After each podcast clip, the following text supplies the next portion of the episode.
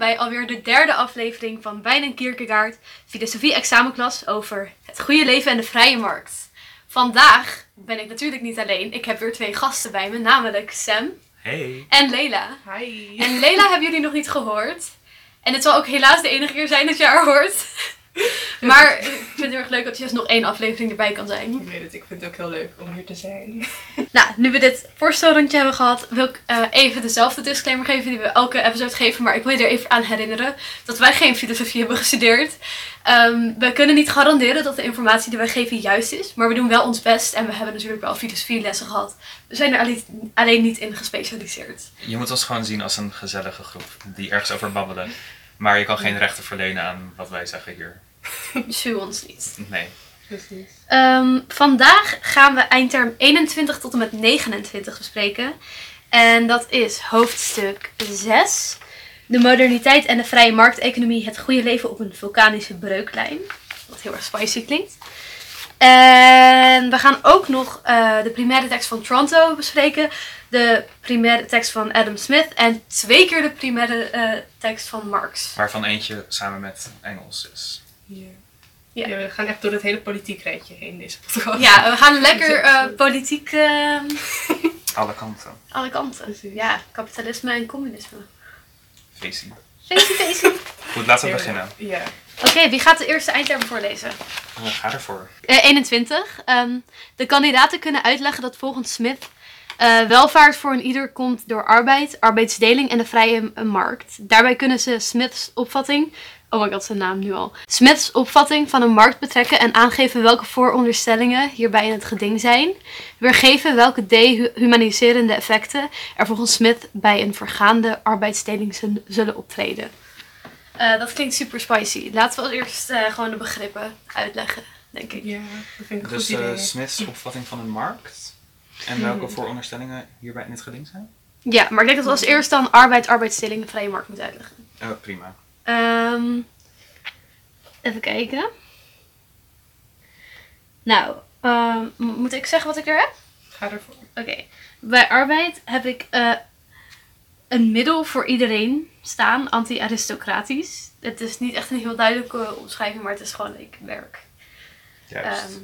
Ehm, arbeidsdeling eh, dra- draait om efficiëntie. Eh, dus dat houdt in, ik zal het met een voorbeeld toelichten. Stel je voor, je werkt in een fabriek. Eh, dan is het handiger als er iemand is die alle. Stel je voor, je maakt tandpasta. Iemand die alle tandpasta dopjes aandraait. In plaats van dat er iemand is die de hele tube tandpasta van begin tot eind, zeg maar, maakt. Ja. Ja, dus het is er van verdeeld in kleine stukjes, waardoor je heel erg gewoon steeds hetzelfde doet. En ja, vrije markt. Ja.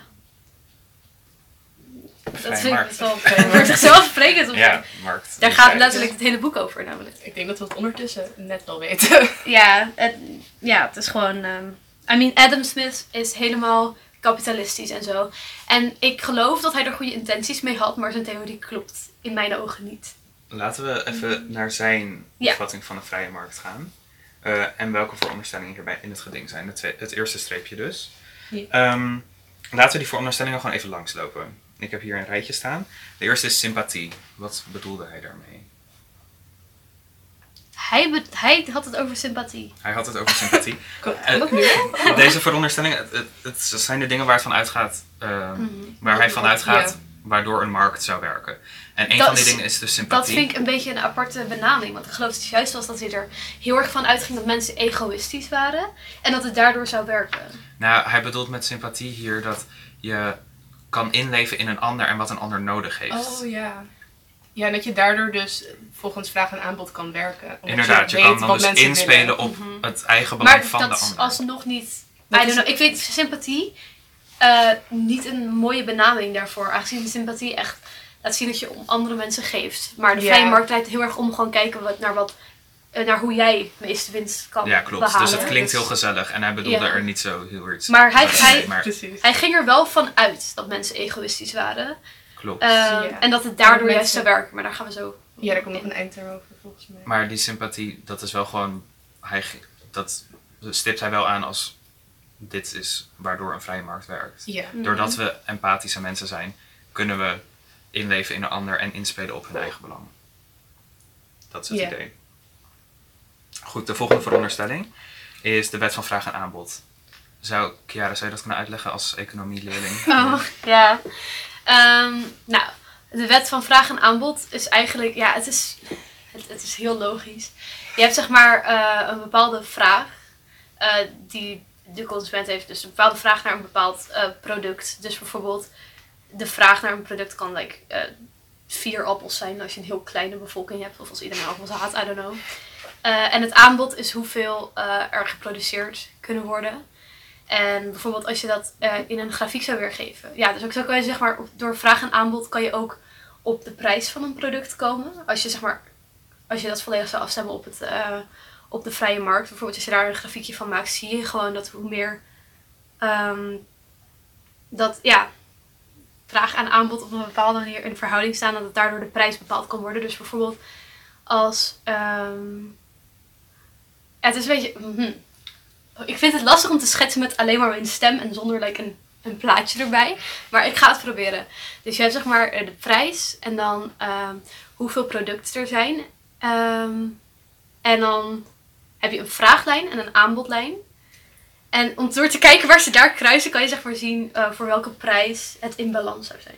Dat- Maar Ja. om het makkelijk te verwoorden, kan je zeggen van hoe hoog, als, als de vraag hoog is en het aanbod laag, is de prijs hoog.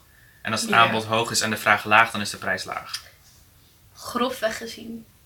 En dat is waar hij van uitging. Ja, en zeg maar, dat hele ding dat zeg maar, eh, dat er alsnog like, laag genoeg prijzen komen en zo, eh, komt doordat eh, bedrijven met elkaar concurreren. Eh, ja, dus dat, daardoor... is, dat is een volgende veronderstelling, Oh. hè? Concurrentie. Oh ja, Nou, De- laten we daar, wat een prachtig bruggetje heb je. heerlijk. ja, dat, onbewust is, dat ge- probeer gecreëerd. ik. ja, het gaat zeg maar. ehm, nou, als je gewoon kijkt naar vraag en aanbod en je zou er verder. eh, eh, er is maar één eh, persoon die het aanbiedt of zo. Dat is. Oké, ik ga niet te ver in op economie hier. Dat vind ik echt heel, heel ja. om te doen. Maar ehm, stel je voor, er zijn gewoon. eh, er is één aanbieder, dan kan hij zelf de prijs bepalen. Want er is niemand waarmee die concurreert. Maar op de vrije markt zijn heel veel bedrijven die zeg maar eh, ongeveer hetzelfde aanbieden, of verschillende dingen. En doordat ze allemaal hetzelfde aanbieden, wil- willen ze natuurlijk de meeste klanten.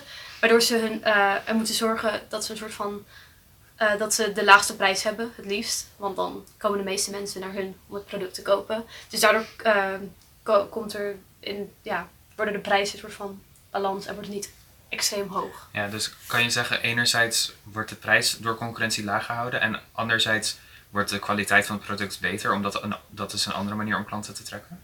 Ehm, nee. Nee, dat Maar, zou maar ik- is dat wel zijn veronderstelling dat dat zo dat dat gebeurt? Door concurrentie. Ja, Want- dat de kwaliteit hoger wordt Als je- prijs lager.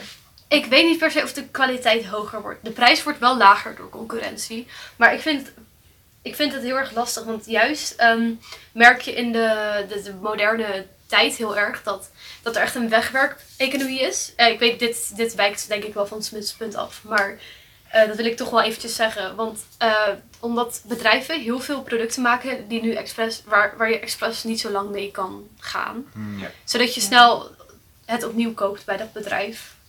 Mhm. Dus ik zou niet zeggen dat de kwaliteit per se er beter door wordt. Maar ik weet niet of hij dat voor, veronderstelt. Misschien is de term dan niet zozeer kwaliteit, maar wel dat het aansluit op wat de consument wil. Ja, dat denk ik. Dat, dat, wordt, Ja. wel, dat, wordt wel, dat sluit beter Ja, aan. Maar kwaliteit, kwaliteit is lastig te zeggen. Ja, enough. Goed, de volgende veronderstelling eh, is een staat die economische ruimte waarborgt. Ehm, ja, dat is gewoon het hele idee van kapitalisme. Eh, dat zeg maar dat de staat genoeg vrije ruimte geeft.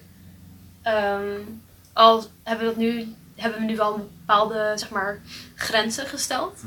Geen Eh, monopolievorming, et cetera, dat soort dingen.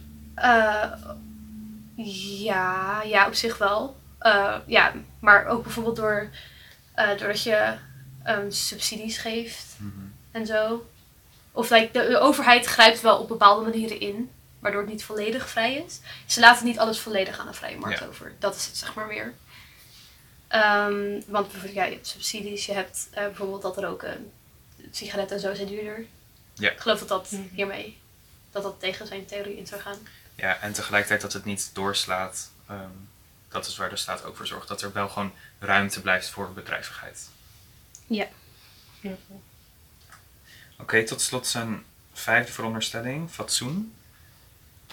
Ik weet even Wat niet bedoelt hij precies- Dat weet ik eventjes niet precies. Ik, weet, daar, ik heb daar verder niks bij staan. Hebben jullie er iets Ik bij? heb niet specifiek het woord fatsoen. Ik heb wel ja. dat ehm, hij ervan uitgaat dat het burgerlijke moraal hoog ligt. En, want anders... Ja, dat ik is inderdaad dat ook hoe ik is. begreep. Dat mensen moeten toch op een bepaalde manier met elkaar goed om kunnen gaan om überhaupt tot handel te kunnen Ja. komen. Anders krijg je alleen maar corruptie en gewoon Ja, en als mensen er... die misbruik ja, maken van de situatie. precies, precies. Mhm. Nou goed, dat, is dus zijn, dat zijn zijn veronderstellingen. Eh, Mhm. hier gaat ervan uit wat nodig is om een markt eh, goed te laten draaien. Mhm. Ehm, zullen we dan naar het tweede streepje gaan? Ja, dus Yes. eh, welke dehumaniserende effecten er volgens Smith bij een vergaande arbeidsdeling zullen optreden? Eh Leila, wil jij die?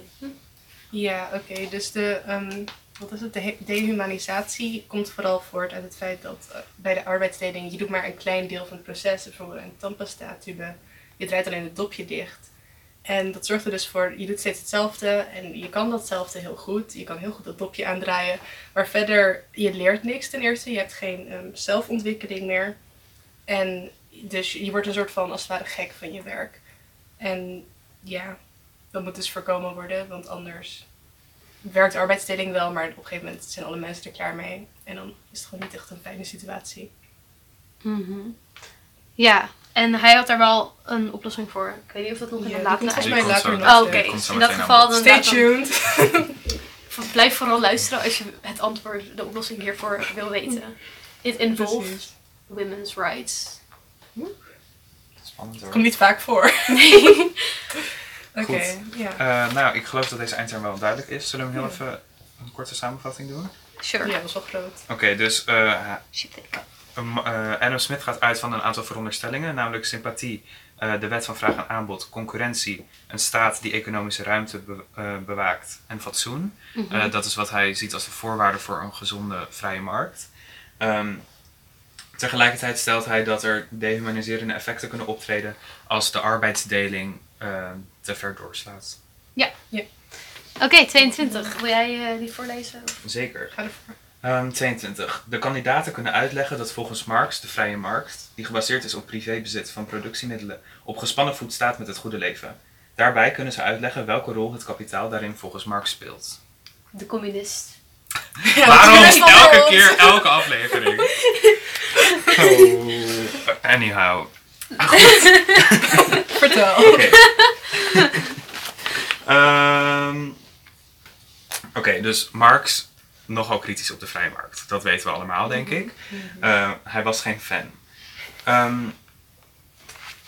het staat op gespannen voet met het goede leven, eh, omdat hij de vrije markt ziet als extreem schadelijk voor ehm, voornamelijk de arbeidersklasse. Ehm, moet ik hier meteen zijn hele kapitalistische kritiek gaan delen? Ik vind het lastig om een soort van deel eruit te pakken waar deze eindterm op doelt. Ja, dat snap het, ik. het komt ook nog allemaal terug. maar, Ja. in grotere lijnen. Exact, daarom. Dus Ja. Ik heb die context van de arbeidsklasse nog gegeven. Van dat die 1850 ontstaat, is ontstaan ongeveer. Ja, want industriële revolutie. Mhm. Misschien, moeten, misschien moeten we even focussen op dat tweede zinnetje. Daarbij kunnen ze uitleggen welke rol het kapitaal daarin volgens Marx speelt. Ehm, het kapitaal.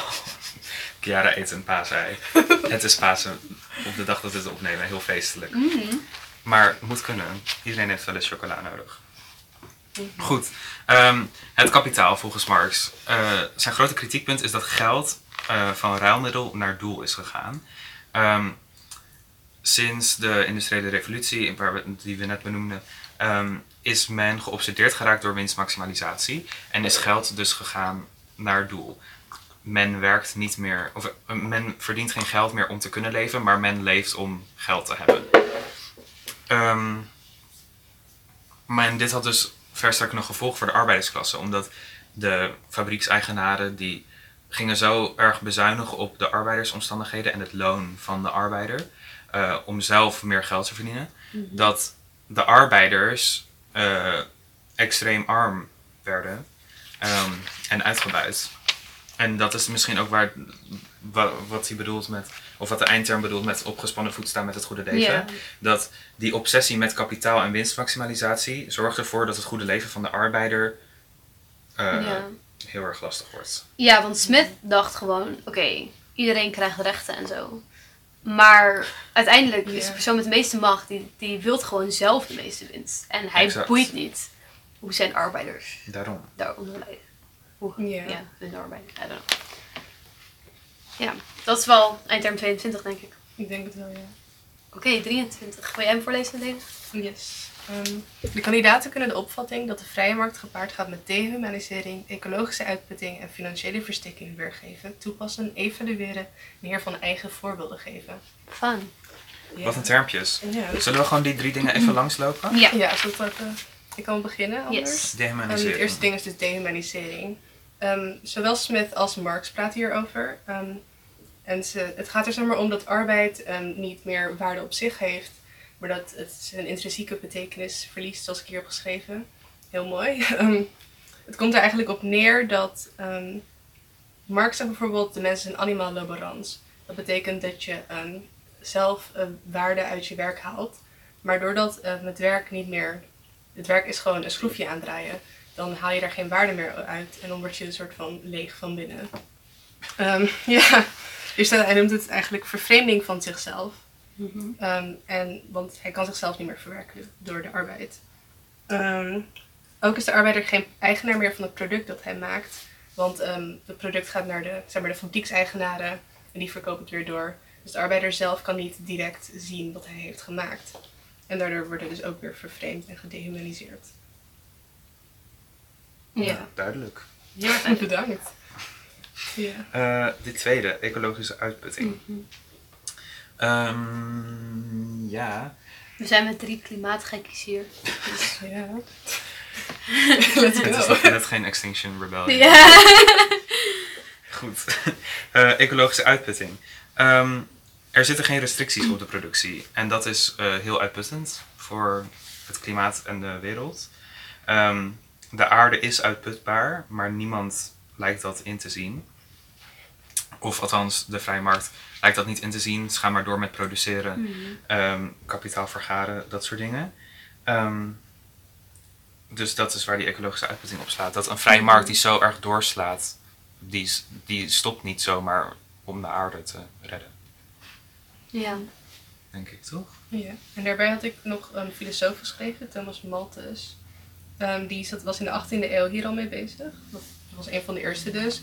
En hij zei dat, ehm, zeg maar, inderdaad, dus de groei van de mensheid ehm, zorgt voor de uitputting van de aarde. Maar zijn oplossing hiervan was om de groei van de populatie dus ehm, te beperken. Dus een soort van hetzelfde als de één-kindspolitiek in China, dat je een bepaald aantal kinderen maar mag krijgen.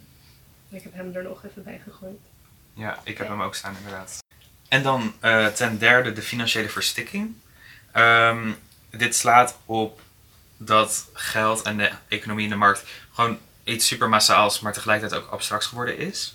Ehm, geld verwijst niet meer echt naar daadwerkelijke dingen in de realiteit, maar het is super eh, ingewikkeld geworden. Heel erg veel digitaal ook. Het is niet meer gewoon van ik heb één gouden munt en daarmee kan ik dit kopen, weet je wel.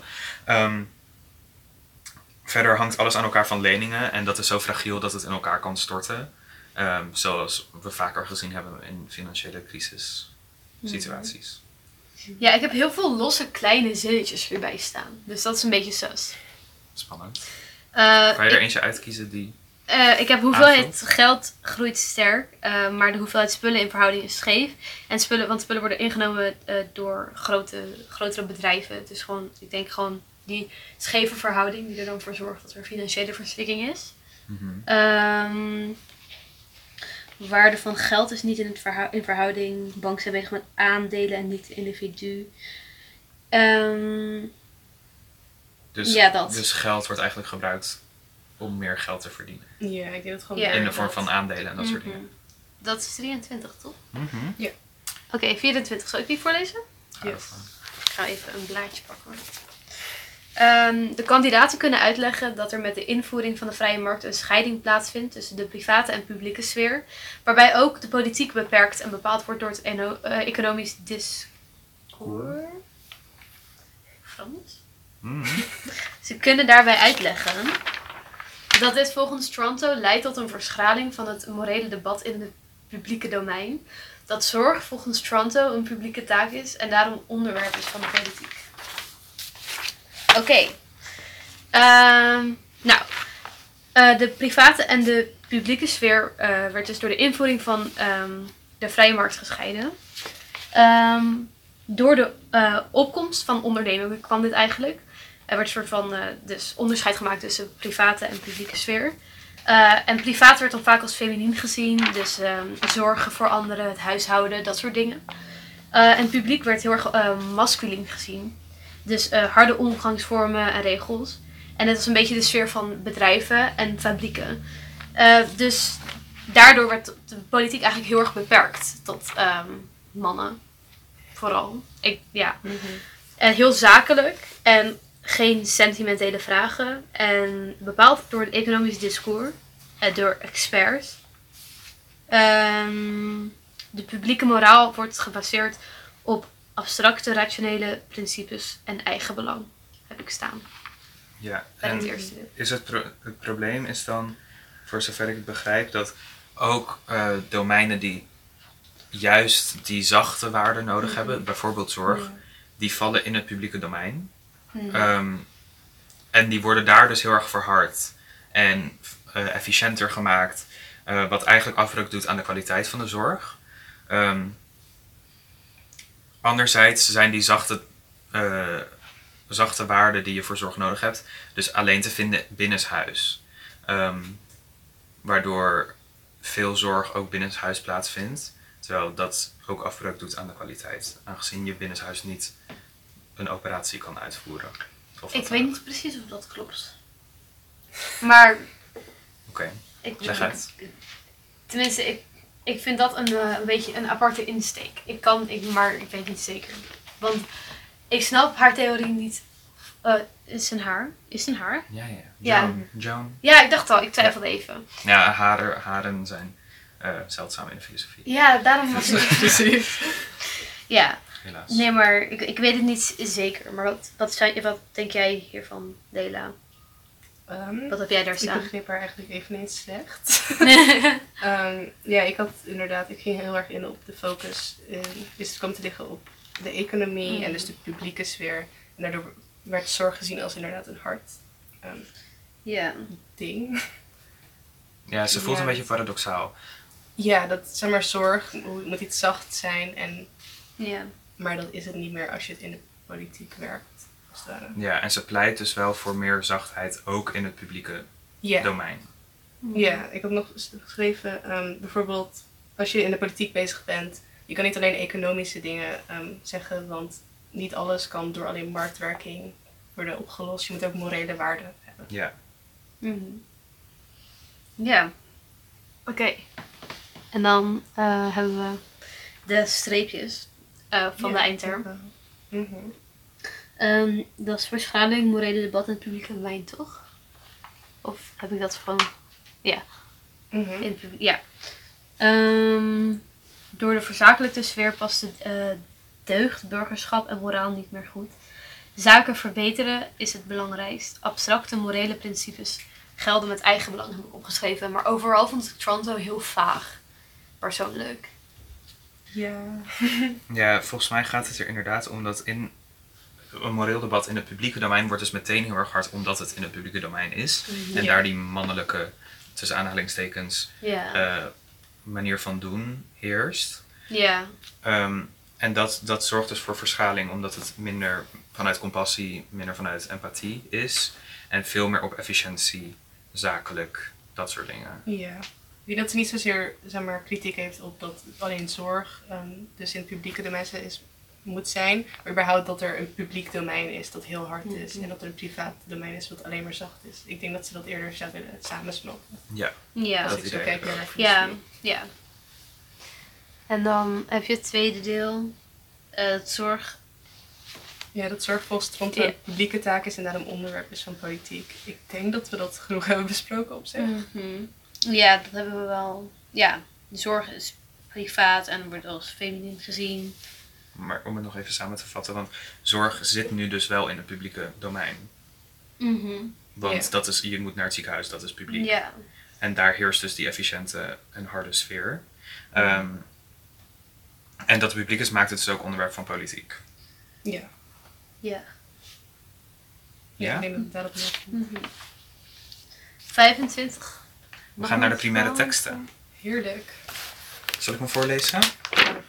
Yes, ik sta even het blaadje om. De kandidaten kunnen de neoclassieke economische visie dat de kwaliteit van zorg beter wordt door de vrije markt en de tegenovergestelde visie dat de vrije markt schadelijk is voor de kwaliteit van de zorg verdedigen. Daarbij kunnen zij van beide visies voorbeelden geven en de politieke implicaties van deze visies weergeven, toepassen en evalueren. Goed, oké, dus ehm, in de eindterm worden twee visies benoemd. Laten we die eh, allebei even bekijken. Ehm, laten we eerst langs een aantal redenen voor, eh, eh, voor marktwerking in de zorg lopen. Ehm, ten eerste is dat het hele idee van concurrentie en marktwerking, dat dat zorgt voor betere zorg voor een lagere prijs. Ehm, dat is een argument voor marktwerking in de zorg. Mhm. Ehm, en ja, dit slaat dus eigenlijk best wel terug op Adam Smith. Net als met het volgende argument voor. eh, namelijk de vooronderstelling van vraag en aanbod. Eh, door globalisering kunnen kosten verlaagd worden door goedkope arbeidskrachten. Ehm, dat gaat uit van hetzelfde als wat Adam Smith al zei. Dat dat zorgt voor betere ehm, en beter op elkaar afgestemde zorg. Mhm. Ja. Ehm, gaan we meteen de kritiek doen of gaan we... Ik denk als dit duidelijk is. Ja, ja, oké. Ik had als kritiek van Toronto op dit idee dat... ehm, nou, je hebt dus vraag en aanbod. Hierbij is de vraag is de vraag om zorg. Om een gezond lichaam te krijgen. Of een gezond ehm, mind. Ik kan Nederlands. Ehm, en het aanbod is dus het geven van zorg. Maar zij stelt ten eerste, er is geen gelijke markt. Heel veel mensen die zorg nodig hebben zijn invalide mensen, ouderen, jongeren. En die kunnen niet, zeg maar, die kunnen niet in die marktwerking goed werken. Want ze weten niet hoe dat werkt of ze zijn te oud om daar succesvol in te zijn.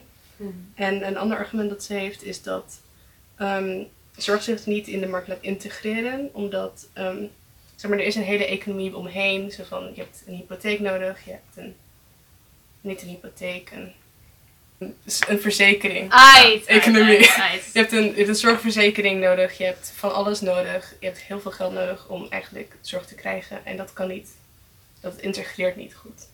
Mhm. Mhm. Dat was denk ik haar kritiek hierop. Hoe bedoel je met het integreert niet goed? Ehm, ik zal het voorlezen. Ehm, dus het laat zich niet in de markt integreren. De informele zorg bestaat een gigantische economie waaraan nu voorbij gegaan wordt. Veel van de zorg profi- profiteert niet van technologische innovatie omdat het mensenwerk blijft. Dus ik denk waar ik, wat ik bedoelde is, ehm, je kan wel zeg maar 100.000 euro vragen in Amerika voor een gebroken arm laten repareren. Maar het blijft mensenwerk. Je kan niet Zeg maar, met 100.000 euro kan je niet een mensenleven kopen. Hmm. Oké. Ja, dus het is niet zo te kwantificeren per se. Ja, ik denk dat ik dat Mhm. Ja, bedoelde. Dat was een beetje vaag geschreven, maar... Ja, ik denk dat het is toch? Of hebben we dan al- alles besproken? Ja, dus enerzijds heb je de visie van eh, marktwerking in de zorg is goed, want het zorgt voor lagere prijzen en een hogere kwaliteit van zorg. Mhm. Anderzijds heb je Toronto's visie ehm, tegen marktwerking in de zorg, ehm, omdat, nou ja, ten eerste is het niet te kwantificeren en Mhm. werkt het niet goed samen met de vrije markt. Ehm,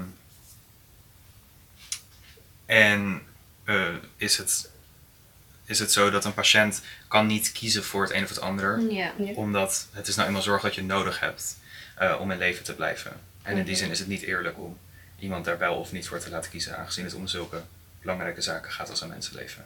Ja. Oké. Ja. Zijn we klaar met Toronto? We zijn klaar met Toronto. Ja, we zijn er doorheen gekomen. Ja, goed. op naar 26. Dan gaan we naar Smith. Ja, heb je mij de tekst van Adam Smith. Oh, dat is mijn expertise. Het is niet Ga mijn expertise.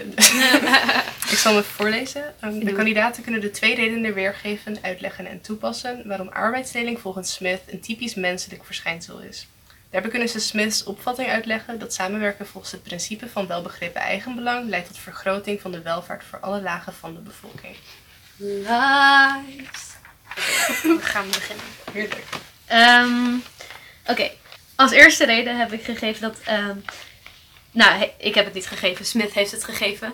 Dat de mens geneigd is om te handelen, te mar Dale. marchanderen. Ehm, de mens is afhankelijk van anderen en inspelen op het eigenbelang werkt efficiënter dan het verwerven van gunsten. En daarom is handelen effectief. Doordat het de welvaart vergroot door in te spelen op eigenbelang. Ehm omdat we dus afhankelijk zijn van elkaar. En als we alleen maar kijken hoe wij zeg maar, eh, de meeste, ja, meeste winst of zo kunnen maken, zullen we daarbij anderen helpen. Is dat hij. Ehm, de tweede reden is, ehm, eh, ik heb staan, de verschillen van natuurlijke aanleg liggen aan de grondslag van arbeidsdeling. Eh, dieren verschillen onderling meer dan mensen. Meer, ja, onderling meer dan mensen. Ze zijn niet van nut van elkaar, voor elkaar. Maar mensen eh, hebben een uiteenlopende aanleg. Dus ze zijn wel nuttig voor elkaar. Dus daardoor kan arbeids, arbeidsdeling heel goed helpen. Doordat iemand zijn aanleg ja, gewoon verder kan ontwikkelen tot echt een talent. Jij hebt iets wat de ander wil en andersom. Ja, precies. En dat is dus weer ook dat eigenbelang ding van ik kan iets Mhm. voor Die jou doen, jij kan iets voor mij doen en dan helpen we elkaar allebei. Yes. Ja, precies. Ja, dat is het eigenlijk. Heb dan, dit was 26. Laten we de twee redenen nog even snel ko- kort noemen. Ja, dus je hebt de mens is geneigd om te handelen. Ehm, omdat, Ja, omdat we dus eh, vanuit eigen belang handelen. Mhm. En eh, we verschillen onderling. We hebben verschillende soorten aanleg om iets te doen. Waardoor arbeidsdeling ook heel erg handig kan zijn. Ik vind het persoonlijk om, eh, wel lastig om de, aan de eerste reden arbeidsdeling te koppelen. Ja. Ja. inderdaad. Ik vind überhaupt de veronderstelling lastig dat een mens niet onafhankelijk kan leven. Ik denk dat dat heel erg komt. Ik denk persoonlijk dat we elkaar, dat we, dat we onszelf onafhankelijk hebben gemaakt. En dat we daardoor in dit systeem Ja, zijn beland. Want ik aan, denk dat we aan het begin van like, de mensheid niet echt, we waren sowieso niet zo afhankelijk van elkaar als we nu zijn. I mean, we- we- ik weet niet hoe dit is gebeurd. Like, je geeft een dier, like de ratio en zo. En ze, het eerste wat ze doen is zich afhankelijk maken van iedereen en alles. Like, zo onhandig. waarom, waarom hebben we dat gedaan? Maar zijn jullie sociaal atomisten of zo? Absoluut niet. Maar ik vind het gewoon. Ik, ik, weet vind, gewoon, ik vind het een aparte ontwikkeling. Ik vind het zeg maar moeilijk om te begrijpen hoe dat argument vormt uit. Zeg maar, hoe je kan zeggen: oké, de mens wil niet onafhankelijk leven, dus we handelen met elkaar. En dus dit hele systeem werkt. Dat vind ik een moeilijke. Ja, het is wel een eh, enthousiaste conclusie, zeg maar. Ja, ik denk dat hij sowieso een beetje enthousiast was. Ja. Misschien iets te. Maar dat arbeidsdeling koppelen aan die eerste reden van dat de mens geneigd is om te handelen. Misschien, ik denk dat dat gewoon weer aan dat efficiëntie. Ja, dat zou kunnen. Dat als je arbeidsdeling toepast, dat je dan efficiënter bent en meer kan handelen. Ja. Op die manier. Ja. Ja. Oké, eh, 27. Mhm. Moet ik hem Ja, voorlezen? Die gaat ervoor. Ik lees hem wel voor. Ehm, de kandidaten kunnen uitleggen dat het volgens Smith eh, de taak van de overheid is om de negatieve gevolgen van arbeidsdeling te voorkomen.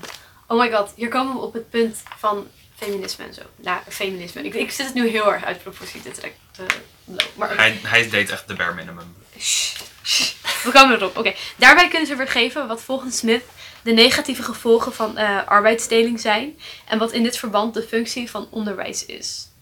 Eh, Oké, Het sluit best wel aan op wat we eerder bespraken. ja. Ja. Het is eigenlijk hetzelfde.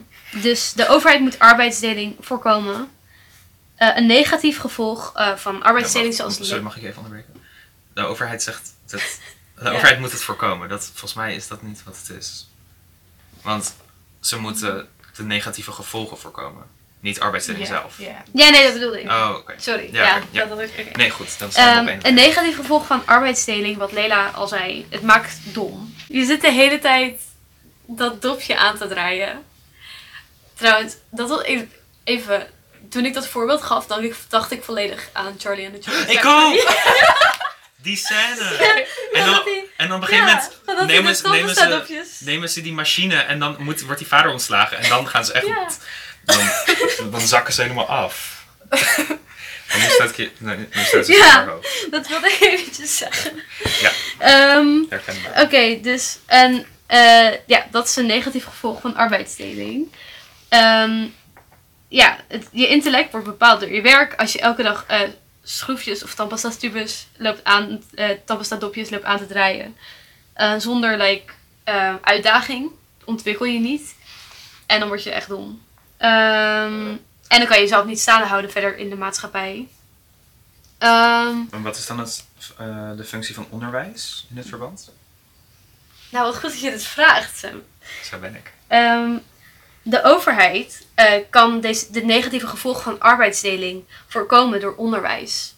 Ehm, door bijvoorbeeld, ja, door dit eigenlijk een soort van in te kijken naar de, de, de klassen. En dan daarop de hoeveelheid onderwijs af te stemmen, geloof ik. Want bijvoorbeeld de, de adel en zo, die, eh, die, die kunnen zichzelf wel meer ontwikkelen. Mhm. Uh, maar de lagere uh, arbeidersklasse, die zit de hele tijd dat tandpasta dopje aan te draaien. Um, waardoor ze zichzelf niet ontwikkelen en hun intellect kwijtraken. En daarom moeten zij onderwijs krijgen. En ook vrouwen. Vrouwen mochten ook onderwijs Wat krijgen. een feminist. Eindelijk, Feminist eindelijk moment. eentje.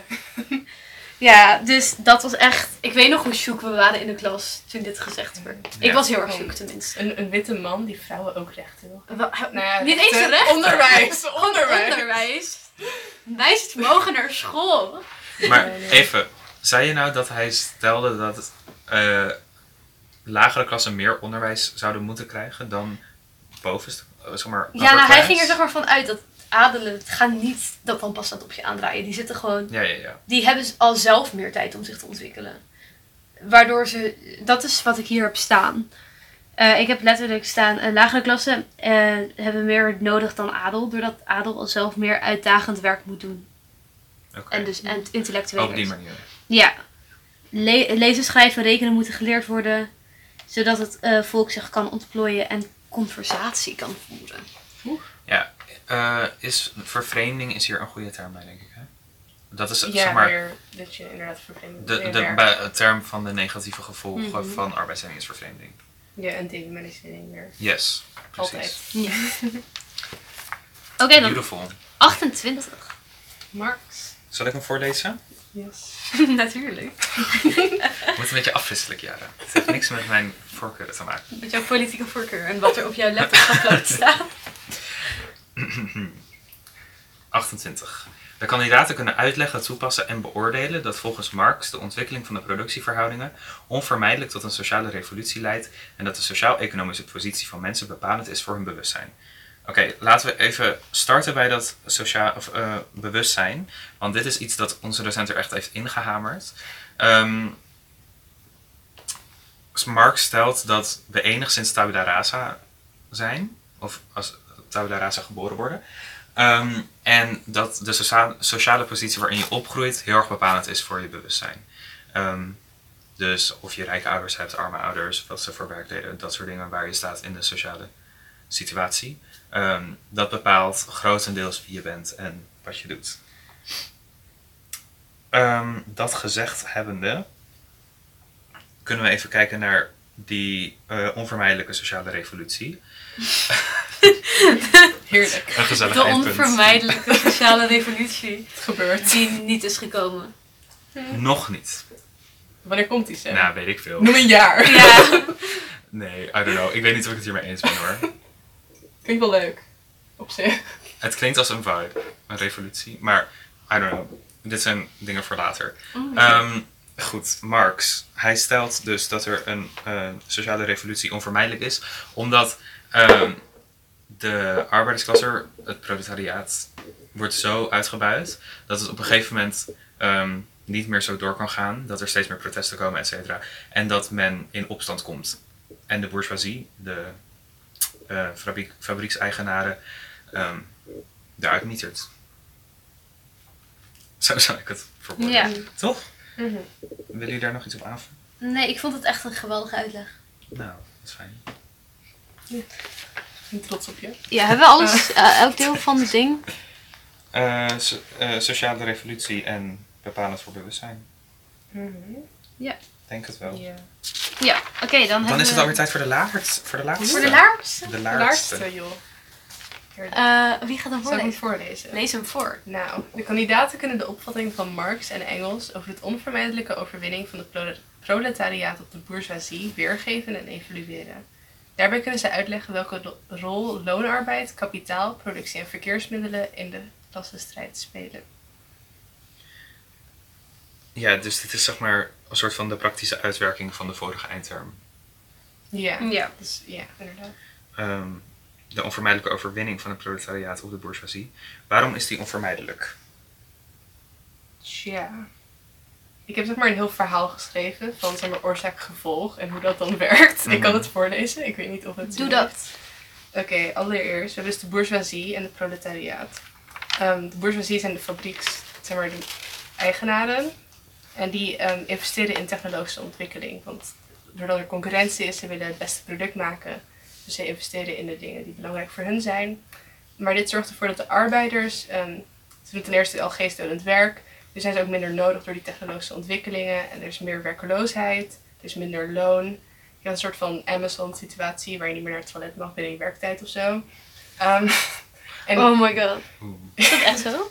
Vast wel. Ja. Het is Jeff Bezos. Ja. Nee, dat kan zal niet. volgens mij 12 uur lang werken, maar als je naar het toilet gaat, krijg je niet betaald of zo.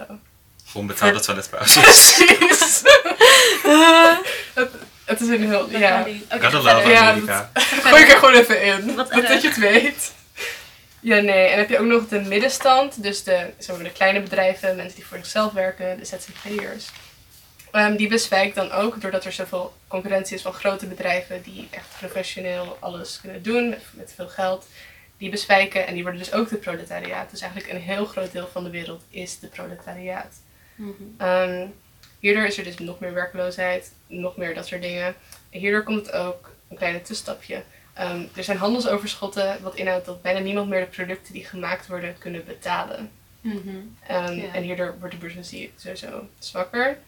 Ehm, maar we dus die bourgeoisie heeft al het kapitaal en het proletariaat denkt, weet je, ik heb geen geld, ik heb, geen, ik heb niks. Hoe komt dit? Het is het systeem. Dus iedereen wordt politiek bewust, gaan nadenken over, oké, dus wat, wat kunnen we hier aan doen, zodat we überhaupt weer geld hebben, zodat we iets kunnen. Ehm, ja. Ehm, dan heb je ook nog tegelijkertijd, door die technologische ontwikkeling, heb je nieuwe verkeersmiddelen en productiemiddelen. En dan als een soort van sprookje nemen, neemt het proletariaat die verkeersmiddelen en die productiemiddelen en verzetten ze zich tegen de bourgeoisie. En dan valt die happy end. Als een sprookje. Ja, het is een- misschien een beetje een gekleurd beeld, maar het klinkt als een sprookje. Ik weet niet of het echt zou gebeuren. Ik zie dit echt wel als een stappenplan. Ik vind het ja, alleen... dit, is, dit is het stappenplan, jongens. Ik vind Let's het, eh, ik weet, misschien maakt dit compleet geen sens. Maar ehm, ik, hij gaat er heel erg vanuit dat de economie een soort van. Dat het, als je het in een grafiek zou zien, dat het zeg maar gewoon gradually like, erger wordt en alles gewoon steeds duurder. Maar is dat niet In, waar? maar het is, je moet de economie zien als een sinusoïde. Oh nee, zeg dat Het niet. fluctueert. Ik denk, ik, ik weet niet of je zegt dat, dat het zeg maar, Ja. als het duurder wordt, maar iedereen wordt steeds armer. Misschien Ja. wordt het, het wordt wel gewoon steeds erger voor de arbeiders. Ja. Ik denk dat hij dat meer ik denk, doet. ja. Ik denk dat hij daar ja. ook wel een punt heeft. Op zich, En op een gegeven moment wordt de onrust en onvrede zo gigantisch dat, dat, het niet anders kan maar dan de- de denken jullie dat dat moment komt? Ehm, ik denk in ieder geval, überhaupt, het is wel zo dat mensen inderdaad politiek bewust worden, maar per se op de goede manier. Dan krijg je al die antifax en zo. Met allemaal opstanden, maar zeg niet... je nou dat dat niet een goede politieke moment is, Lela? Sorry, ik bedoel, dan krijg je Hier allemaal... begeef je op glad. Ja, ijs. het is politiek bewustzijn. Gewoon misschien allemaal iets meer verdeeld. En ik denk niet dat er echt zo'n gezamenlijke Of er Ja, echt een grote echt beweging iedereen. komt van alle Ik weet arbeiders. niet of er genoeg solida- solidariteit voor Dat- is. dat betwijfel ja. ik ook. In ieder geval niet in Nederland. En ik heb ook het idee dat hier vals bewustzijn wel een rolletje speelt.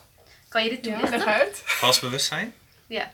Ehm, nou, dat gaat ervan. of- of- Het slaat op eh, het idee dat de arbeidersklasse ehm, het idee van de bourgeoisie dat de vrije markt werkt, eh, geïnternaliseerd hebben, ge- overgenomen hebben. Ehm, waardoor ze denken dat ze lekker aan het werk zijn en Ja. dat ze het goed voor elkaar hebben, helemaal lekker bezig. Terwijl eigenlijk eh vergroot ze alleen maar het kapitaal van de bourgeoisie Ja. en gaan ze zelf eh, toch niet zo lekker. Dat zou best wel kunnen, ja. ja. Ehm, dus het- ik denk dat er. Dit is even een persoonlijke noot. Nou, niet heel erg persoonlijk. Maar ik denk dat heel veel mensen VVD stemmen. eh, Ja, dat klopt. omdat, ze denken is een van, feit. omdat ze denken van, oeh ja, Markie echt lekker bezig, gaat echt goed met Nederland. Terwijl eh, misschien hebben ze zelf, eh, gaat het financieel niet zo goed. En hebben, maar hebben ze niet door dat de VVD hun niet per se gaat helpen. Een beetje op die manier. Dat is best wel subjectief. Zeker.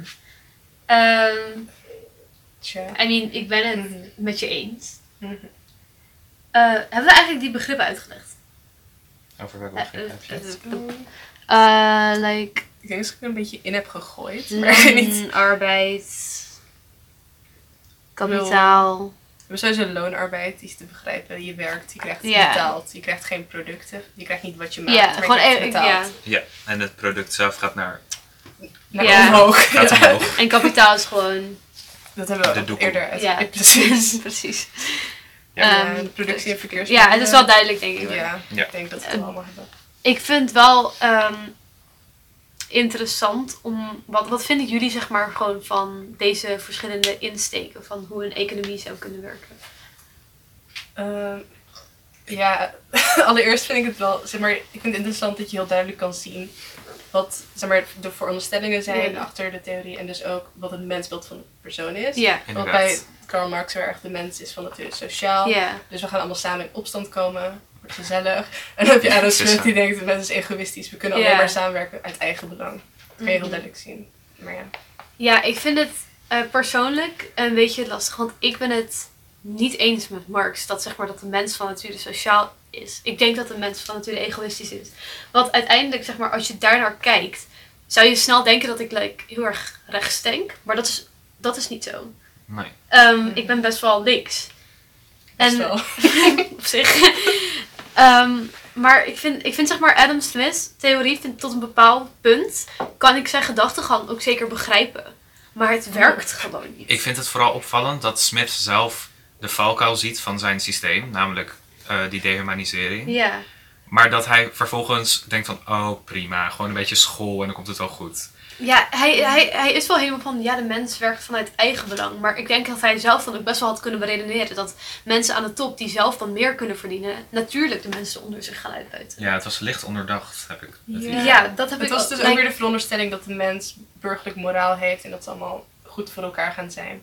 Ja, Dus eigenlijk, Maar dat was niet. nee. dus eigenlijk is het gewoon een beetje pessimistisch van, oké, dus de mens heeft ook geen burgerlijk moraal. En we zijn egoïstisch. Dus het wordt allemaal gewoon corrupt. ja. Ja, nee, ik sta duidelijk wel meer richting Marx. eh, omdat ik zijn kritiek gewoon heel goed begrijp. Denk je dat Maar- de mens van, van nature sociaal is? Ja. Nou, oké. Ik... Oké, eh, oké, dus Marx, Marx zegt... eh, de mens is van nature sociaal. Maar ons bewustzijn is afhankelijk van waarin je opgroeit. Hè? Dat hadden we net benoemd, Mhm. de sociale positie en zo. Ehm, en aangezien we in dit systeem leven, hebben we egoïsme soort van aangeleerd. En daar geloof ik wel heel erg in. Ja. Ehm. Omdat je leert toch een soort van overleven in de, in de wereld waarin je leeft. En als die wereld egoïsme en eigenbelang zo belangrijk vindt, of dat je zo ver komt met Ja. egoïsme en eigenbelang, denk ik dat, de, dat je vanzelf ook zo wordt. Mag zijn Ehm, Marx dat? Ja. Wel... Marx was like, je wordt egoïstisch door het systeem. ja, ja. Ehm, dus ik, ik denk dat we van nature, nature, nature wel sociaal zijn, maar dat we nu van nature door het systeem Hmm. wel eh, egoïstisch snel kunnen worden zijn. Wat denk jij ervan? Ehm, ik vind Marx zijn kritiek heel goed op kapitalisme, natuurlijk. Ik ben ook niet zo'n grote fan van kapitalisme. Spoilers. Ehm, alleen ik, ik, ik vind het heel moeilijk om zijn theorie zelf, dus wat hij Ja. zo van, we gaan allemaal alweer samen feestje, Ja. samen alles fixen. Dat vind ik, ik ben gewoon veel te pessimistisch hiervoor. Ja, vind van zijn theorie is ook gewoon geflopt eigenlijk. Met die hele sociale revolutie. Ja, maar die van Adam Smith ook, dus. Hoe bedoel je True. geflopt? Maar hij was, hij was echt, hij was echt gewoon ready voor de sociale revolutie. Hij was Oh. echt van, oh ja, slee. Hij was de Ja, schoppel aan het kappen. Ja, Hij stond er met een fakkel en een graan. Dus voor mijn Wakker. gevoel maakt dat zijn theorie, dat haalt het zo erg onderuit. Voor Maar- mij. Er is nog tijd, hè? het kan nog gebeuren, jongens. Als in, hij heeft nooit gezegd, oké, het gaat nu binnen, binnen 15 jaar... eh, gaan we de hele wereldorde omgooien of zo. Ja. Ik, ja, ik Nee, maar- snap waar hij heen Ja. wilt en ik snap zijn kritiek, maar ja, het is inderdaad veel te enthousiast als je het... Of misschien is dat gewoon hoe het boek het uit ook, dat kan ook. Ja, Het boek het is boek ook is heel heel erg- erg subjectief. Heel erg tegen Marx, zeg maar. Ja. Net zo subjectief als wij. Ja, precies, maar wel een andere kant op. ja, precies. Maar Leila, denk jij dat de mens van nature te sociaal of eh egoïstisch is? Ik weet niet of je dat überhaupt kan weten. Want het wordt Ja. inderdaad zo erg Ja. veranderd door Ja. de omgeving en de situatie. Ik weet het niet. Joh, ik zou heel graag willen dat we sociaal zijn. Daar blijft het bij. Ja, dan hebben we alle eindtermen besproken. Eh, ja. Ja, die we vandaag gaan bespreken in ieder geval. Ehm, volgende keer zien jullie mensen die misschien naast ons zitten at the moment. Namelijk ehm, twee nieuwe, eh, Elise en Moira. En Ik ben er nog, Sam. Sam is er nog. Hij is nog daar. Wow. Ehm, Mhm. Dus ik zie jullie bij de volgende aflevering. Hopelijk horen jullie dan weer eh, onze stemmetjes. Yes. Waar gaan we het eh, volgende keer over hebben? Volgende aflevering gaan we het hebben over hoofdstuk 7, mens in enkelvoud, mens in meervoud. Eh, dus die dimensie relaties. Ehm, dat is eindterm 30 tot en met eh 40. Eh, Hegel en McIntyre komen aan bod. Eén groot feest. Dus ehm, hopelijk tot dan en eh, bedankt voor het luisteren. Yes, heel erg bedankt voor het luisteren. Tot de volgende keer. Yes, Doei! Bye.